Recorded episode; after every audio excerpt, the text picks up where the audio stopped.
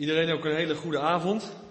Ik hoop dat je, nadat je al veel gehoord hebt, er nu nog meer zin in krijgt om nog meer te horen wat de Heer ook tot u, tot jou te zeggen hebt. Het was voor mij een uh, hele bijzondere week. Uh, over het algemeen ben ik wel uh, welkom in de samenkomsten waar ik spreek.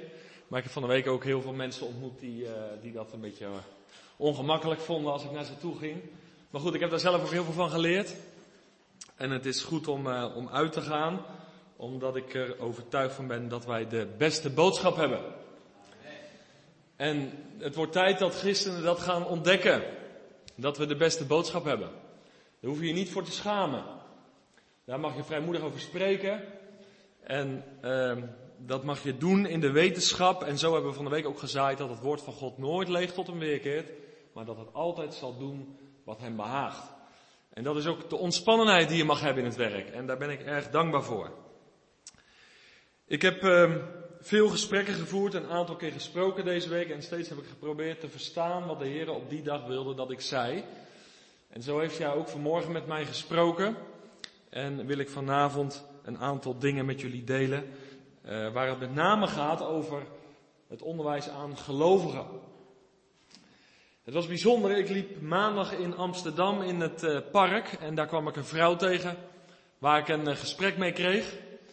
En uh, dat was heel interessant. Zij bezocht zondagskerken niet om een preek te horen, maar om te fotograferen. Dat had ik nog nooit gehoord. En wij zaten in een mooi gebouw met glas in loodramen. Ik zei, nou, dan heb ik een goed adres voor je.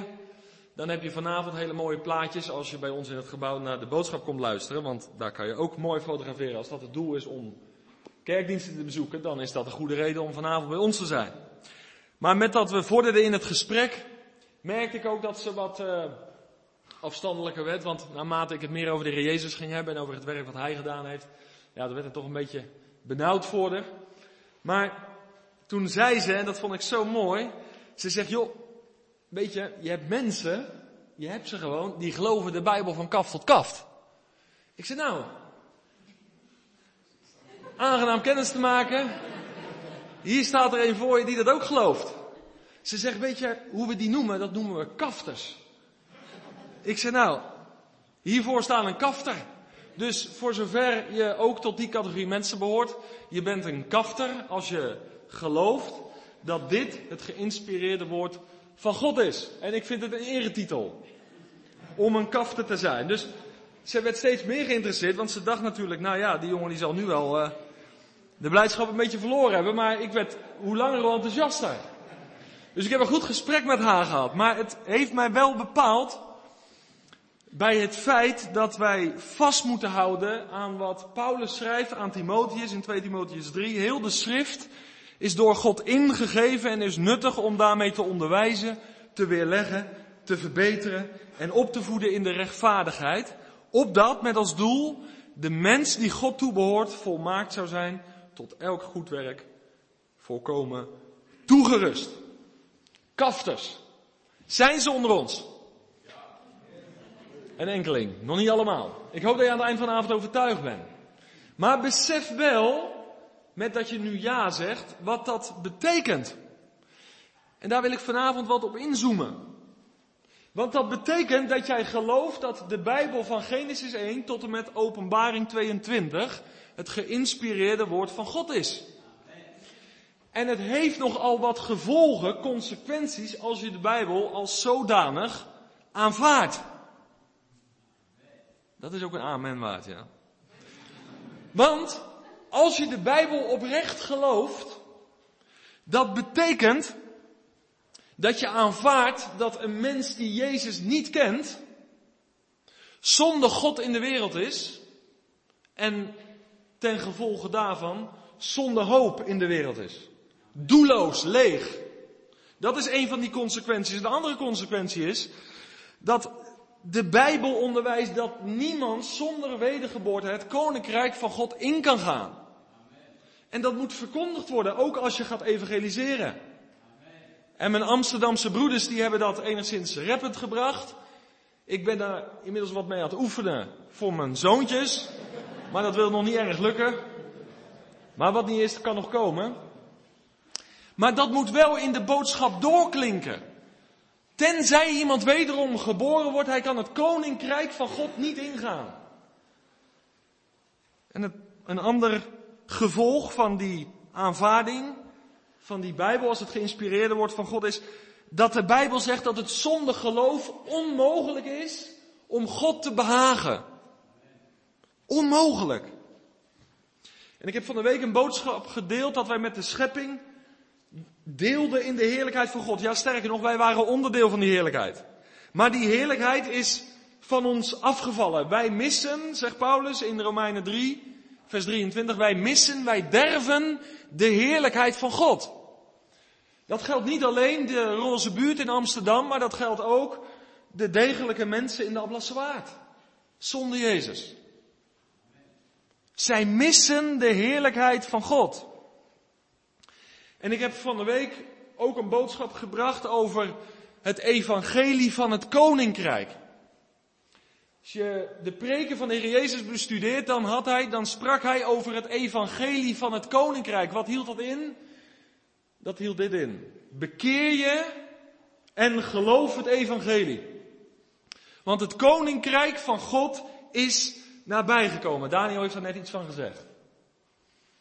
Bekering en geloof. Want in de weg van geloof en bekering komt de mens weer tot zijn oorspronkelijke scheppingsdoel.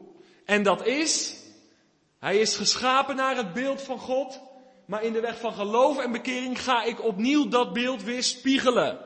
En ziet de wereld in mij de heerlijkheid van God terug. Dat is het oorspronkelijke scheppingsdoel. En daarvoor is de verlosser, de heiland, de Messias gekomen. Om die weg naar God weer te banen, zodat in mijn leven en door mijn leven heen Jezus zichtbaar wordt vandaag. Waar je ook werkt, waar je ook woont, waar je studeert. Dat is het verlangen van God. Niet dat Hij mijn talenten en gaven ziet. Niet dat Hij, dat iedereen weet van welke club ik lid ben of van welke kerk ik deel, waar ik deel aan heb. Nee, maar dat de Heer Jezus Christus in mij woont en dat Zijn heerlijkheid zichtbaar wordt. Mijn vraag vanavond is, ken jij de Heer Jezus Christus? Hoe is het in je leven? Want dit is het doel. Dat wij gaan lijken op de Heer Jezus Christus. En dat is een proces. Maar daar ben je wel in betrokken. Daar ben je bij betrokken. Niet leidelijk, maar actief. Weet jij, weet u van vergeving van uw zonde? Ben je van dood levend gemaakt? Is de geest in u aanwezig? Die leidt in de waarheid. En als je hier vanavond zit en misschien door iemand bent meegenomen, en zeg maar dit ken ik niet. Ik ben bezig met de religie, maar ik ken God niet vanuit de relatie. Dan wil ik dat je na afloop blijft zitten. En dan blijven we hier totdat je vrede met God hebt. Dat kan je vanavond ontvangen. Geloof je dat? Want je weet niet of je morgen er nog zal zijn. Ik sprak van de week een meisje in Rotterdam-Zuid. Met een kerkelijke achtergrond en ik kon dat aardig aan haar zien. Ik had er in al de steden nog niet één ontmoet.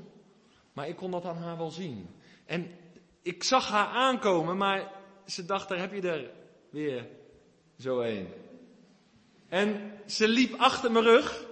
En ik reikte daar iemand een folder aan, die wees hem af. En ze dacht te ontsnappen en ik draaide hem om. En ik zeg, jij dacht weg te lopen, hè? Maar ik had je in de gaten. Ik heb iets voor je. En ze moest lachen. Ze zegt, je hebt gelijk. Ik wilde, ik wilde me van je ontdoen eigenlijk. En ik wilde naar de winkel gaan. En daar kreeg ik een goed gesprek mee. En het aangrijpende was dat we op een punt kwamen dat ze zegt, je hebt gelijk. Ik weet alles. En ik zeg, wat ga je met deze wetenschap doen? Je kan vanavond veel weten van de Bijbel. Je kan vanavond geloven verstandelijk dat de Heer Jezus gekomen is.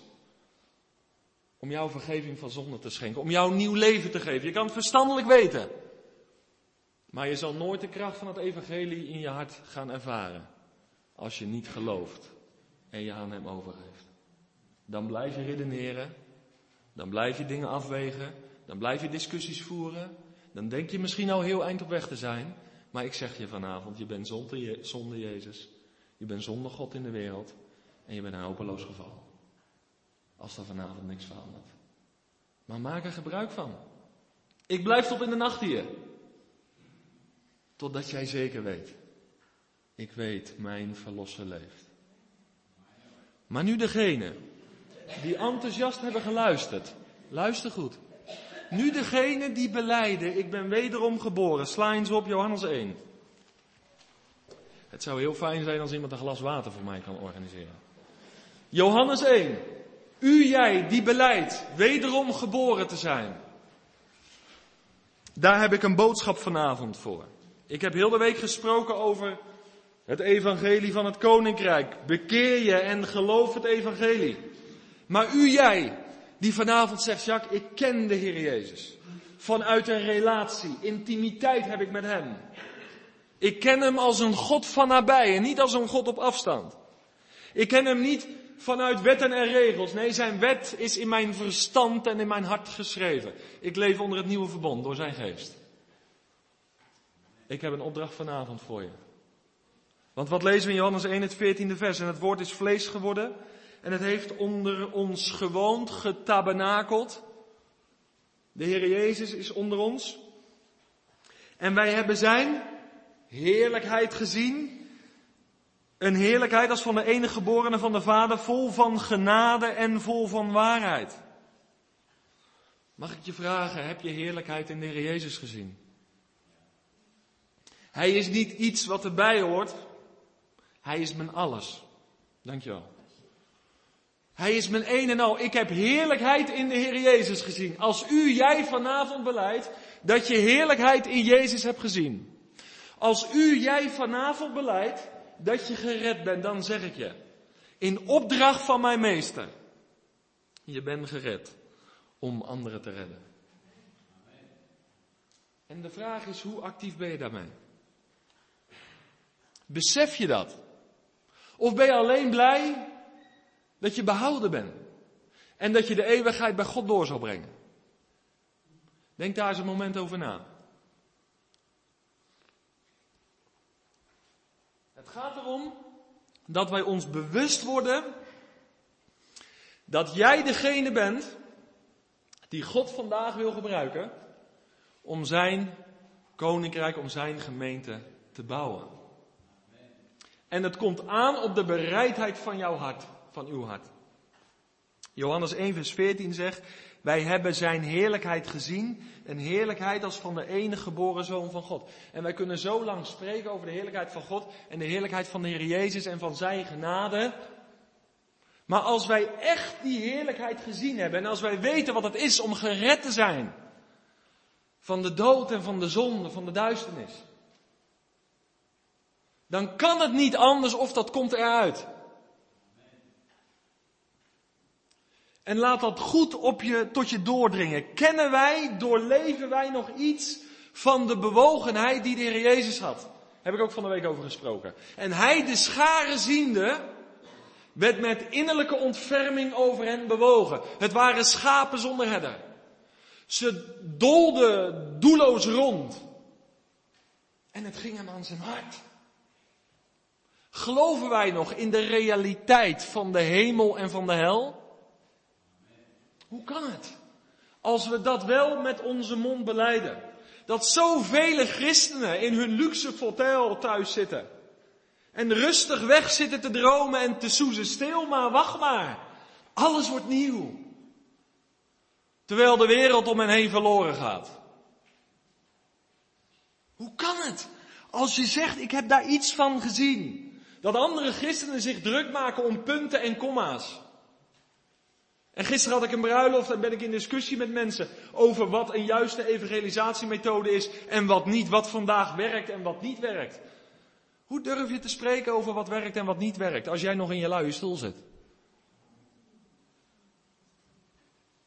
Er zijn zoveel mensen die kritiek geven als je Jezus red op je dak zet of als je een poster ophangt. Maar mijn vraag aan jou is, en dat is een scherpe, je kan wel beleiden, ik heb heerlijkheid in Christus gezien. Maar wat doe jij eraan om die ander bij Jezus te brengen?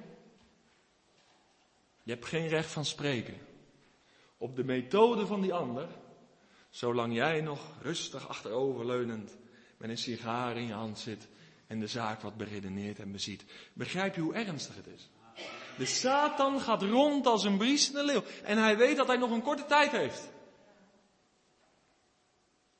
Maar wij als christenen zijn we het ook bewust dat we nog slechts een korte tijd hebben. En ik weet, dan krijg je het etiket radicaal, extreem, zwart-wit opgedrukt. Maar mijn heiland was het ook. Die gedachte troost mij. Lieve mensen, als wij echt de heerlijkheid van Christus ontdekt hebben, dan houdt het op met discussiëren. Sla eens een paar bladzijden verder. Johannes 20.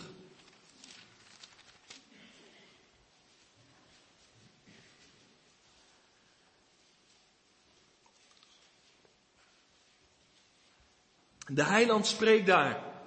Tot u, tot jou, tot mij. Wat zegt hij in het 21ste vers? En Jezus dan zei opnieuw tegen hen, tegen zijn discipelen toen. En tegen jou en mij vandaag. Mooi hè? Vrede zij u. Zo komt hij op jou en mij tegemoet. Vrede zij u. Zoals de Vader mij gezonden heeft, zend ik ook u. Discipelen, wat zijn dat? Zijn dat mensen die alleen ingeschreven staan in de kerkelijke registers? Discipelen zijn in de allereerste plaats leerlingen van de rabbi, de Heer Jezus Christus. Zitten aan Jezus voet. In de tweede plaats zijn het ook volgelingen. Ik heb niks aan mensen die alleen zeggen, Jacques, ik geloof in Jezus. Ik vraag je, volg hem ook. Dat is interessanter. En dat zou één en hetzelfde antwoord moeten zijn, dat ben ik met je eens. Maar volg je ook daadwerkelijk de heiland? Zijn voetstappen drukken. En de derde aspect van een discipel is een vertrouweling. Ik heb verborgen omgang met hem, die mijn ziel lief heeft. Een leven in de nabijheid van God. Dat is een discipel. En die, die discipelen toen zond Jezus uit. Want hij zegt, zoals de Vader mij gezonden heeft, zend ik ook u. Toen en vandaag. Exact hetzelfde. Ook wij hebben de Heilige Geest ontvangen, zegt de Bijbel, toen wij tot geloof zijn gekomen. En wat doet die geest? Die geest die is Christus aan het verheerlijken. Waarom? Luister goed. De Heer Jezus is hier niet meer. Hij is bij zijn Vader. Maar jij en ik zijn vertegenwoordigers van zijn koninkrijk. En een, wij zijn ambassadeur geworden. En een ambassadeur leeft altijd op een ander grondgebied dan het land waar hij vandaan komt, waar of niet. Wij zijn hier niet thuis. We zijn slechts op doorreis. En wij vertegenwoordigen hier dat koninkrijk van God, wat straks zichtbaar zal worden. Ben ambassadeur van Hem. Ik ben een koninklijk kind.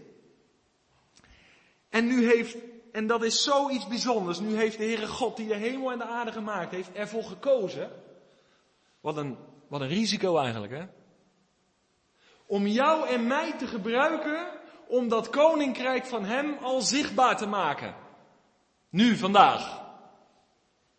Wat een verantwoordelijkheid. Maar Hij vertrouwt die zaak aan ons toe, aan jou en mij.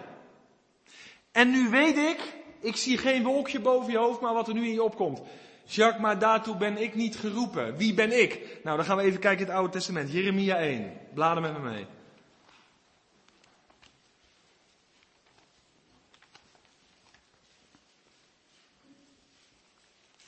Die grote profeet Elia, of eh, Jeremia, die zegt misschien iets waar je heel erg in herkent. Dat heeft mij geraakt vanmorgen. Daar lezen we Jeremia in het vierde vers. En het woord van de Heere kwam tot mij.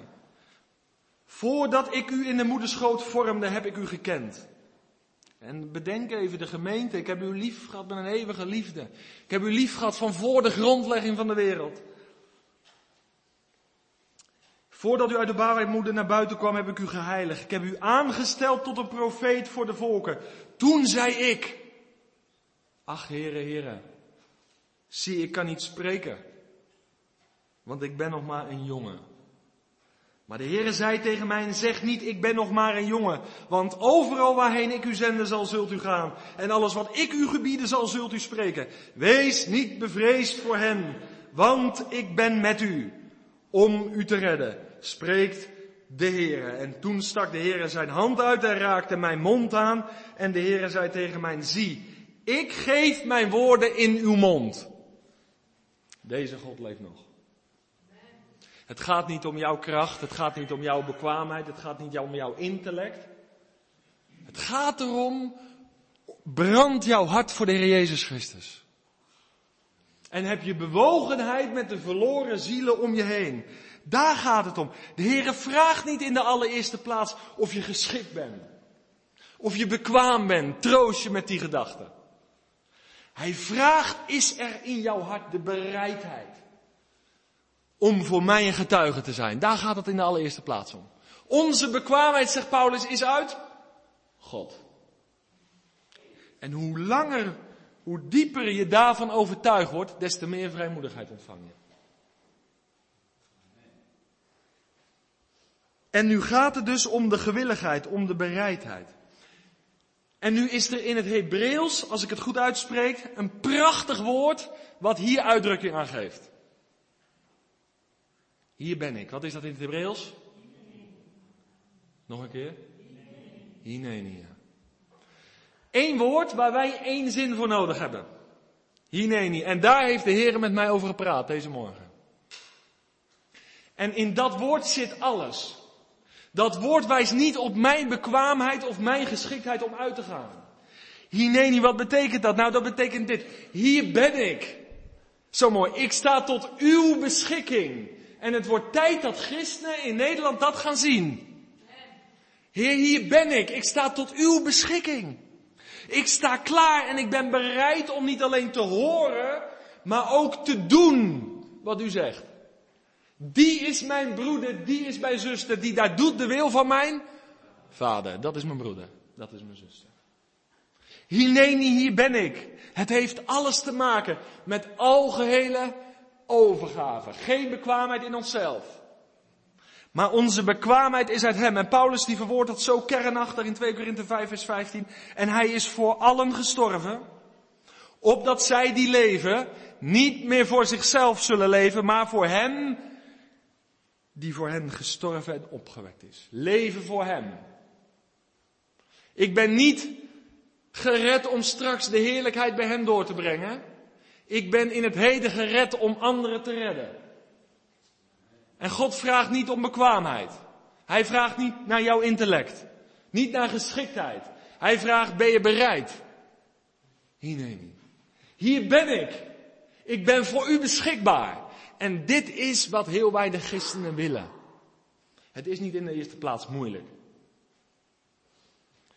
Het vraagt om ben ik bereid in mijn hart? Heb ik echt nog bewogenheid? En dat heeft dus alles te maken of je een kafter bent. Want je kan wel beleiden dat je de Bijbel van kaf tot kaf, tot kaf gelooft. Maar dat betekent dat zij die zonder Jezus sterven een groot probleem hebben, waar of niet? En dat is het aangrijpende. En tuurlijk kan ik de last niet van de hele wereld dragen, maar ik kan wel het verschil maken. Misschien in één leven of in twee levens of in enkele. Begrijp je wat ik bedoel? En is die bewogenheid er nog? Herken je dat in je leven? Of ben je blij dat jij straks met de hakken over de sloot de heerlijkheid van God ingaat? Of heb je een brandend hart, een kloppend hart, zoals Jezus, die bewogen was met de scharen? Blader eens naar Jezaja 6. Stukje terug. Dit heeft mij zo geraakt. En ik heb dit in de eerste plaats gelezen voor mijzelf. Bedenk dat goed. Jezaja 6. Ik vind dit zo'n indrukwekkend gedeelte dat ik wil vragen of je wil meelezen met mij. Vers 1. In dat jaar dat koning Uzia stierf, zag ik de Heere zitten op een hoge en verheven troon en de zomer van zijn gewaad vulde de tempel. En seraf stonden boven hem en ieder had zes vleugels. Met twee bedekte ieder zijn gezicht, met twee bedekte hij zijn voeten en met twee vloog hij. En de een riep tot de ander. Heilig, Heilig, heilig is de Heere van de legermachten. Heel de aarde is vol van zijn heerlijkheid.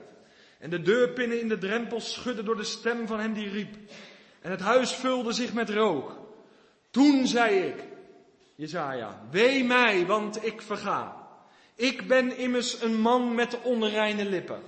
En woon te midden van een volk met onreine lippen. Mijn ogen hebben namelijk de koning, de Heere van de legermachten gezien. En moet je nou luisteren. Maar een van de serafs vloog naar mij toe en had een gloeiende kool in zijn hand. Die hij met een tang van het altaar had genomen. En daarmee raakte hij mijn mond aan. En hij zei, zie deze heeft uw lippen aangeraakt. Zo is uw misdaad van u geweken. En uw zonde verzoend. Daarna hoorde ik de stem van de Heer. Nou komt het. En hij zeide, wie zal ik zenden? Wie zal er voor ons gaan? En daar komen die indrukwekkende woorden. En toen zei ik Jezaja, zie, hier ben ik. Zend mij. Je ziet hier twee dingen. Jezaja beleidt allereerst zijn onbekwaamheid. Ik ben een man van onreine lippen en ik woon in de, te midden van een volk wat onrein van lippen is. Niet kracht in mijzelf, ik ben geen krachtpatser. Ik ben niet de krachtige evangelist. Maar het is uw kracht die zich openbaart in mijn zwakheid, daar waar ik mezelf beschikbaar stel. Hineni, hier zegt Jezaja Zie, hier ben ik. En ik hoop dat je nu de lijn gaat pakken. Want we gaan van Jezaja, Yeshua naar de Heer Jezus. Want uiteindelijk gaat het om Hem. Bladeren we mee naar Hebreeën 10. Het is een beetje bijbelstudie, maar als je die lijn pakt, dan ga je steeds dieper dat woordje hineni pakken en grijpen. En ik hoop dat je straks geen zin meer nodig hebt, maar slechts dat ene woordje aan het einde van deze samenkomst. En zeg, Heere God, hier ben ik. Niet bekwaam. Niet geschikt in mijzelf. Maar een brandend hart voor u. Hier ben ik met huid en haar aan u verbonden. Ik wil dienstbaar zijn. Dat kleine stukje tijd dat ik nog heb. En dat in het licht van de eeuwigheid. De nood is groot. Er gaan mensen verloren. Zie, hier ben ik. Want wat deed de Heer Jezus? Hij is die grote profeet. Hij is die grote priester, die grote koning. Die in de volheid van de tijd tegen zijn vader zei. Welk woord? Hineni. Hebreeën 10, vers 5. Daarom zegt hij bij zijn komst in de wereld, slachtoffer en spijsoffer hebt u niet gewild. Maar u hebt voor mij een lichaam gereed gemaakt. Brandoffers en offers voor de zonde hebben u niet behaagd. Toen zei ik, zie, ik kom. In de boekrol is over mij geschreven, om uw wil te doen, o God. Zie je de lijn van Oud naar Nieuw Testament? Zie je de lijn van het Eerste naar het Tweede Testament? Het gaat niet om bekwaamheid in de eerste plaats. Maar onze heiland, onze redder. Die volmaakt gewandeld heeft in de wil van God. Die heeft mij niet alleen verlost. Hij is niet alleen mijn verlosser. Hij is niet alleen mijn zaligmaker, mijn redder. Hij is niet alleen de Heer, de Curios van mijn leven. Hij is ook mijn voorbeeld. Dat lied zegt het. Wij willen worden als Hij. Elkanders lasten dragen wij. Hier zijn we, hier zien we in Hem het grote voorbeeld. De Heer Jezus heeft niet iets van zichzelf gegeven, Hij heeft zichzelf gegeven. En Hij zei, Vader, hier ben ik. Omdat het zo rooskleurig voorstond in de wereld. Omdat als Hij niet van boven naar beneden was gekomen, dan was er van beneden naar boven geen weg meer tot behoud geweest. Ik heb van de week het voorbeeld gebruikt van die mijnwerkers in Chili. Augustus 2010. Als de president geen initiatief had genomen om die schacht te maken en die capsule naar beneden te laten zakken, hadden al die 33 mannen verloren geweest en gestorven. Ze waren gestorven. Er was geen opening meer. 700 meter diep, 5 kilometer van de ingang, 33 mannen. Maar er werd van boven initiatief genomen. En zij, ze hoefden slechts in te stappen. Het gaat helemaal niet om mij in het verlossingsplan van God. Het gaat om wat Hij gedaan heeft. En de vraag is, heb je er al gelovig gebruik van gemaakt? Heb je er al gelovig gebruik van gemaakt? En ze kwamen juichend en onder applaus kwamen ze boven. En zo is er in de hemel vanavond blijdschap over één zondaar die zich bekeert.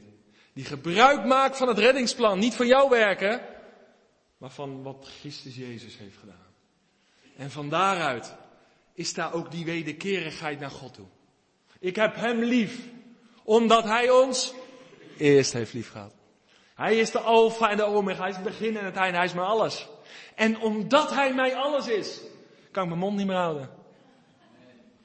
Herken je dat in je leven? En je hoeft niet te staan op de plek waar ik sta. Maar begin gewoon lekker in het klein, maar denk groot van God. Daar gaat het om. Groot van God in je huwelijk denken, in je gezin, onder je klasgenoten. Onder rappers die een heel ander repertoire hebben maar dan maak je verschil.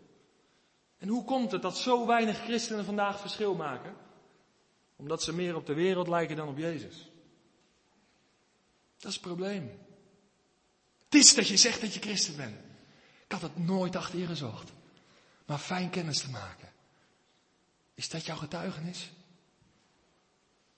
Of slaan de vlammen er bij jou gewoon uit? Ik ben van Hem en Hij is van mij. Alles van Hem is van mij en alles van mij is van Hem. Begrijp je die wederkerigheid? Hier, nee, hier ben ik. En lieve mensen, dat ben ik uit de grond van, maar daarom begrijp ik niet. Daarom begrijp ik het echt niet.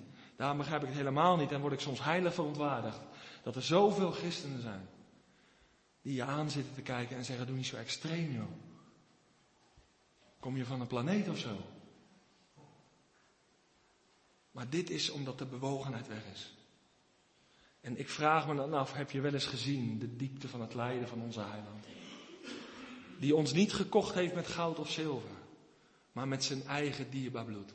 Het is toch een heilige van zelfsheid, de woorden van Jezaja. Hier ben ik. De woorden van de heiland zelf, zie hier ben ik, om uw wil te doen. En door uw wil te doen, leer ik om vrij te zijn. Ik heb zoveel gebonden mensen gezien.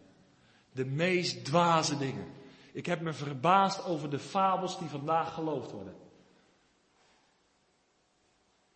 En mensen zitten hier aan te kijken. Velen dwalen als schapen zonder herder. En wie maken nog het verschil in deze wereld? Dat zijn jij en ik. Wij zijn daartoe geroepen. Het is onze verantwoordelijkheid. En de ene zegt, joh, dat is ook maar een druppel op een gloeiende plaat wat je van de week hebt gedaan. Maar lieve mensen, mijn loon komt straks wel. Daar maak ik me nu niet zo druk om. Alles wat gedaan werd uit liefde tot Jezus, dat houdt zijn waarde en zal blijven bestaan. Dat komt wel goed. Maar ik kan het verschil maken in het leven van één persoon. En daar prijs ik de Heer voor. Maar dat is wel onze verantwoordelijkheid. En de vraag is, en ik hoop echt dat dit tot een, tot een ontwaken komt, ook hier in de Alblasse Waard. God is niet tevreden met nette, degelijke mensen, die misschien op papier christen zijn. Maar waar is ons openbare getuigenis? Gaat de wereld om ons heen nog ons aan het hart? Of hebben we het zo fijn en knus in ons eigen kerkje? En geen oog meer voor die wereld die verloren gaat. De heiland zelf, hij was rusteloos actief. Rusteloos aan het werk omdat hij zag dat het schapen waren zonder herder. Het heeft me aangegrepen. En ik moest vanmorgen denken. En ik heb geprobeerd om het schilderij erbij te krijgen, maar ik kon het niet vinden op internet. Het bekende verhaal van uh, de graaf, graaf van Zinzendorf. Misschien ken je het verhaal. Zo indrukwekkend. Hij studeerde theologie, hij studeerde rechten. En op een gegeven moment was hij op studiereis en toen kwam hij in Düsseldorf terecht. In een museum. En daar werd zijn oog gericht, hij werd helemaal gegrepen door een schilderij. Ecce homo. Zie de mens. En hij werd zo geraakt daardoor, want wat zag hij daar? Hij zag daar de Heer Jezus. Met een bebloed hoofd. Zijn ogen neergeslagen, zijn hoofd gebukt. Daar hing onze leider, een bebloed lichaam. Een doornenkroon op zijn hoofd. En hij liet dat op zich inwerken. En daaronder stond het opschrift. Dit deed ik voor u. Wat doet u voor mij? En dat schilderij heeft het leven van Graaf van Zinzendorf radicaal en totaal veranderd. Als de heiland zo diep wilde gaan, dat hij zijn eigen leven gaf en dat hij in de volheid van de tijd tegen de vader zei, hier nee, nee, zie hier ben ik. Niet om vrienden te redden, maar om vijanden met God te verzoenen. En dat is vandaag niet anders. Om vijanden met God te verzoenen. En toen graaf van Ziensendorf dat zag, toen sprak hij de volgende woorden. Ik heb Jezus altijd lief gehad. Maar nu zal ik alleen nog maar doen waartoe hij mij leiden zou. Helemaal gericht op de wil van de Vader. En mede door hem is de Moldavische opwekking uitgebroken. En mede door zijn arbeid is er een wereldwijde zendingsbeweging op gang gekomen. Waarvan je tot op de dag van vandaag kan lezen. Eén blik op Jezus. En ik ben gered. En één blik op Jezus. En het zet me in beweging om een getuige van Hem te zijn. En wat is het triest en aangrijpend? Dat er zoveel christenen zijn, die moet je bijna met tien paarden trekken om zo'n beetje in beweging te krijgen. Om hem naar een avond als deze te krijgen. De kerk had toch moeten uitpuilen, of niet? Maar zijn we nog verlangend? Zijn we nog uitzien?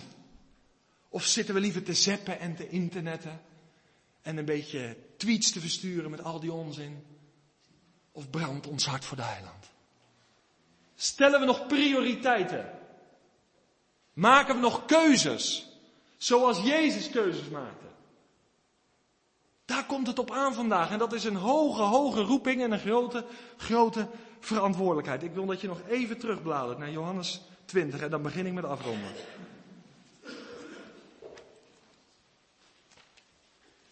De Heer Jezus, Hij komt op zijn discipelen af. En Hij komt vanavond op jou af. Als zijn leerling, als zijn volgeling, als zijn vertrouweling. En het eerste voordat hij je uitzendt. Vrede, zei u. En dat moet je eigen maken, dat moet je voor jezelf zeker maken. Die vrede van God is in mijn hart. Dat is de basis van mijn leven, dat is het fundament. Dat, dat geeft mij ook vrijmoedigheid om uit te gaan. Hij zegt het. Zoals de Vader mij gezonden heeft, zo zend ik ook u. Jezus was de gezondene van de Vader. En wie is het vandaag? Jij en ik. Om uiteindelijk de mensheid, daar ben ik terug bij af, terug bij het begin, te brengen tot hun oorspronkelijke scheppingsdoel. De heerlijkheid van God. Daar gaat het om. Het ten diepste, het grootste probleem is dat we de heerlijkheid van God kwijt zijn geraakt. En vandaag wil God in bijzonder de gemeente gebruiken om die heerlijkheid weer te etaleren. De gemeente als collectief en jij en ik individueel als gelovigen de heerlijkheid van God. En ik verlang ernaar dat als een ongelovige de samenkomst binnenkomt, dat hij of direct weggaat, of dat hij direct op zijn knieën valt en zegt, God is hier tegenwoordig. Dat is de Bijbelse gemeente. En moeten we niet, en ik ga voorop, schuld beleiden. Dat je gewoon in heel veel gemeenten kan zitten. En misschien vragen ze nog eens of je nieuw bent in die plek. Maar de heerlijkheid van God is weg. En weet je waar we behoefte aan hebben? Niet allerlei toestanden en manifestaties en vage, ongrijpbare dingen. Maar dat God met zijn heerlijkheid weer neerdaalt. En dan komen mensen in beweging. En als je dat persoonlijk hebt ervaren, de heerlijkheid van God in je hart, in je leven, dan kom je als vanzelf in beweging. En dan zou je als vanzelf verschil maken in de wereld van vandaag. En het is zomaar gebed dat je gaat beseffen, toen zond God Jezus, vandaag zendt hij jou en mij. Weet je waar God naar op zoek is? Naar voorbidders vandaag. Omdat Mozes destijds in de bres ging staan voor het volk Israël, heeft God dat volk niet te gronden gericht. Omwille van één man. Maar de vraag is, geloven wij nog dat God omwille van één iemand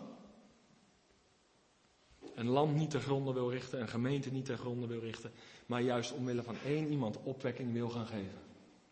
Maar de vraag is, ben jij bereid om vanavond te zeggen, hier nee, niet. Daar zit alles in, echt.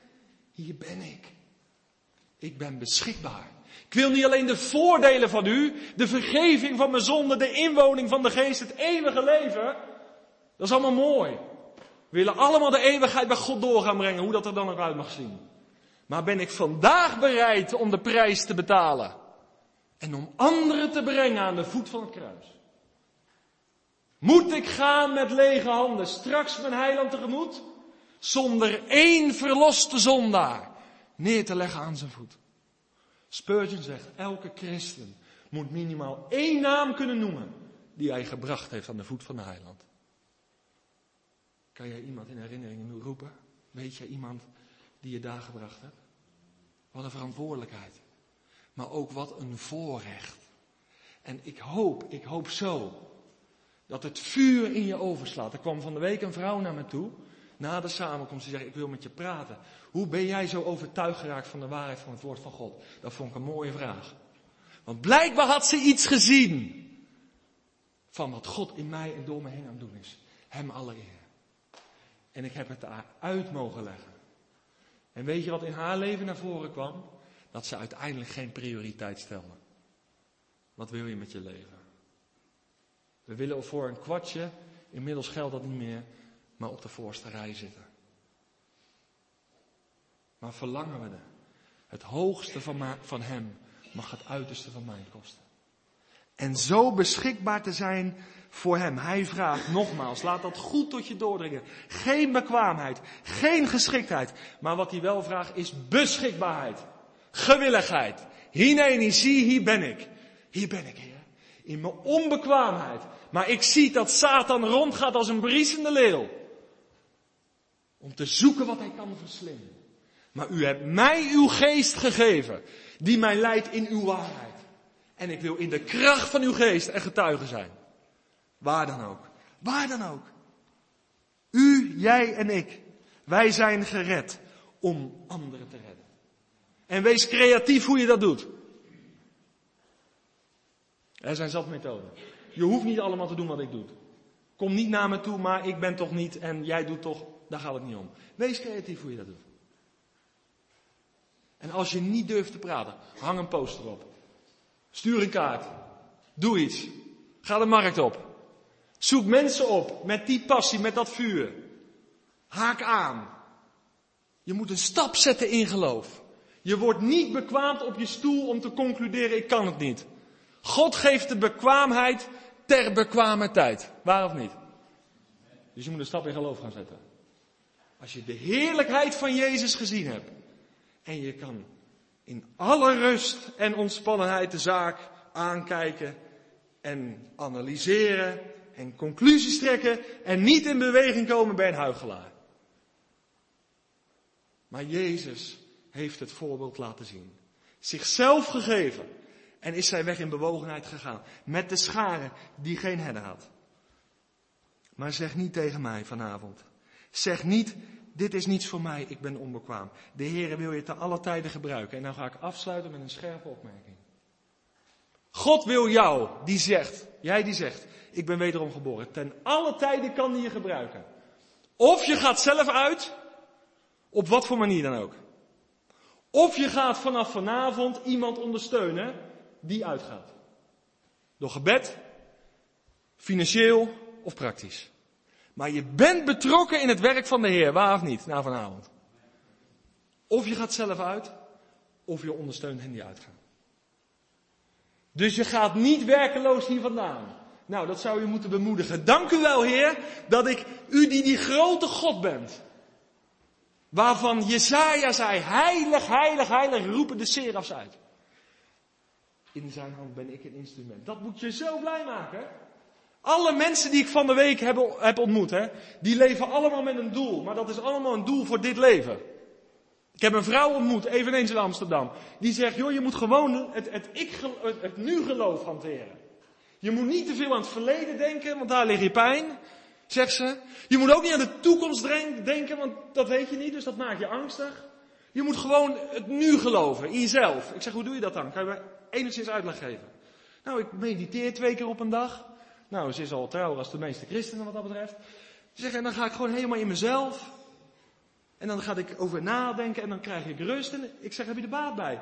Ja, ik heb er baat bij. Ik zeg, maar weet je hoe lang jij er baat bij hebt? Alleen voor nu. Ik zeg, ik heb een goede boodschap voor je. Jezus zei, wie in mij gelooft, die zal leven, zelfs al waren hij gestorven. Ik zeg, wat is dat voor een waardeloos geloof? Ik heb zekerheid tot in eeuwigheid. En deze Christus verkondig ik je. Opdat je de dwaasheid van deze wereld zou afleggen.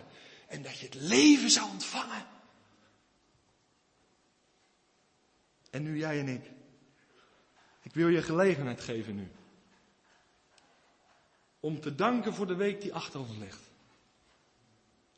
Ik wil je de gelegenheid geven om te bidden voor een opwekking in ons land. Dat de christenen de opdracht die ik vandaag, die ik vanavond mocht uitstellen. Dat ene woordje in het Hebreeuws slechts. Hineni. Dat je het nu in je hart gaat zeggen. Heere God, ik zie het vanavond. Ik dank u voor het bloed van de Heer Jezus, wat mij reinigt en wat mij recht geeft op de eeuwigheid bij u. Maar ik heb altijd iets gemist. Maar ik zie vanavond niet dat u zoveel nog moet doen, maar dat u van mij vraagt of ik me ter beschikking ga stellen. En ben je daartoe bereid vanavond? om het besluit te nemen. En let goed op, dit is een wilsbesluit.